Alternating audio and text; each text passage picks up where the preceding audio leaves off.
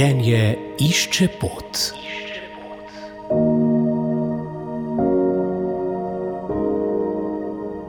Dober dan.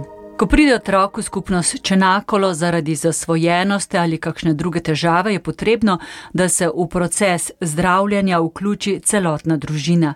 Skupnost namreč ponuja tudi srečanja za starše, saj so pristojni prepričani, da so le spreobrnjeni in spremenjeni starši pot do rešenih otrok. Prisluhnimo zakoncema Katarini in Andreju Mohar o njuni izkušnji. Gospa Katarina Mohar, sta mama torej petih otrok, to je vaš najstarejši sin. Kako vi zdaj, ko svojega sina poslušate, kako ste vi njega doživeli ali videli tisti čas, ko se je vse to dogajalo? Ja, vse ta zadeva se je dogajala od, kar je že povedal, od njegovega 15. leta, da sem jaz to še posebej zaznavati začela. Seveda, to je šlo iz sponi, iz padci enkrat je bil boljši, enkrat slabši, ampak je znal zelo dobro prikrivati, ker je bil odličen študent, odličen. Vedno se je trudil v šoli, imel je punco, nikoli ni preveč oporekal doma stvari. Nekako je življenje kar teklo, teklo in zmeraj si upal, da, da je splaval na površje. Pa pa vidiš, da spet pade, pade in to, to se leta vrtijo. Ne.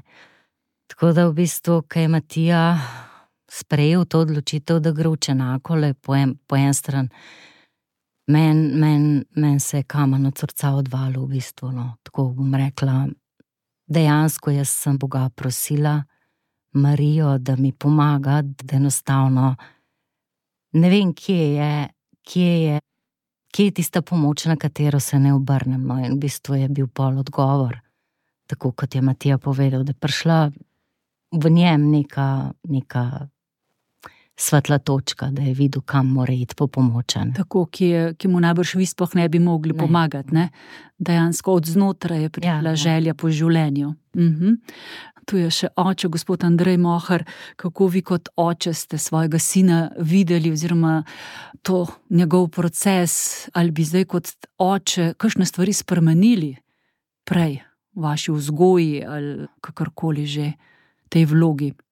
Opazil sem, da v mnogih stvarih pretirava. Ne? Recimo, štu, v vseh stvarih je pretiraval, če, če je bila. Če je bila kakšna pač zabava, sem videl, da malo preveč spije. Ne. Ko je študiral, je hotel na vsak način desetko dobiti. Ne. Pol se je zaradi punc preveč, recimo, zasekiral. Jaz sem ga skušal nekako pač umiriti, da, da ne malo se umiri, ne, da, da ni treba, da je posod vse naj, naj, naj.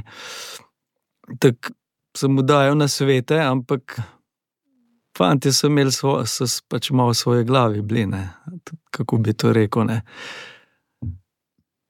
Obla, oba žena so bila tudi zelo, v tem času zelo zaposlena, ne, kar malo preveč.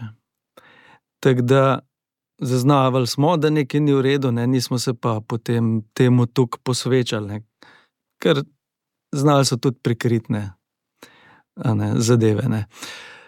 Potem, ko je pa tole ven prišlo, ne, v bistvu je povedal eden njegov brat, ne, mislim, brat Janes je povedal, da, da mislimo pač vse najboljše svojemu sinu. Ne v resnici ima pa določene probleme, in tudi od začetka nismo tudi verjeli na tega. Ker, ampak, no, všeč pri tem je bilo, da se ni obnašal tako, kot svetopisanski kajen, ampak mu je bilo mar za svojega brata. Ne. Ni rekel, Janes, se mar varuh svojega brata. Ne. Ampak je povedal določene stvari. No. In potem smo začeli malo ukrepati, in v bistvu smo mislili, da bomo sami rešili to zadevo. In ko je on rekel, da gre v Čenakolo, je bilo meni malo tako. No. Sem rekel, ja, v redu, grem jaz pa malo na kamino hoditi, ne, mamica ne gre v kakšen samostan za kakšne par tednov, pa bomo rešili vse, vse zadeve. Ne. Sem potem ti Bog da občutek, da tle gre za res, da, da tako pač ne gre naprej. Ne. Posebej polk je sam določene stvari povedal še ne. In pol vidiš, da je tle le v bistvu borba za življenje. Ne? je težko za starše, ko gre otrok v skupnost. Mi smatramo, da je to kot komuna. Ne? Najbolj je tle le ranjen ponos, da ti ni uspelo obvladati svojega otroka. Sam, ko vidiš, da se gre za res, pač se moraš pač prepustiti. Gospa Katarina Mohar, v čem vaju je to, ta izkušnja s sinom spremenila?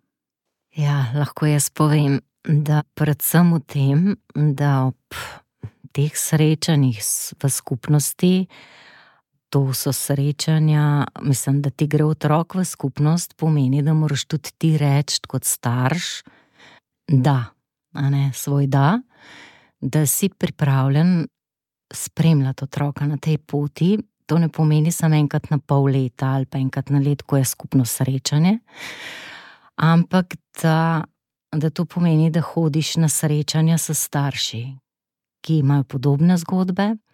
Za nas so bila ta srečanja v Zagrebu, tam smo se vsak teden srečevali s starši, večinoma so to iz Hrvaške, samo tri, tri, štiri so bili iz Slovenije.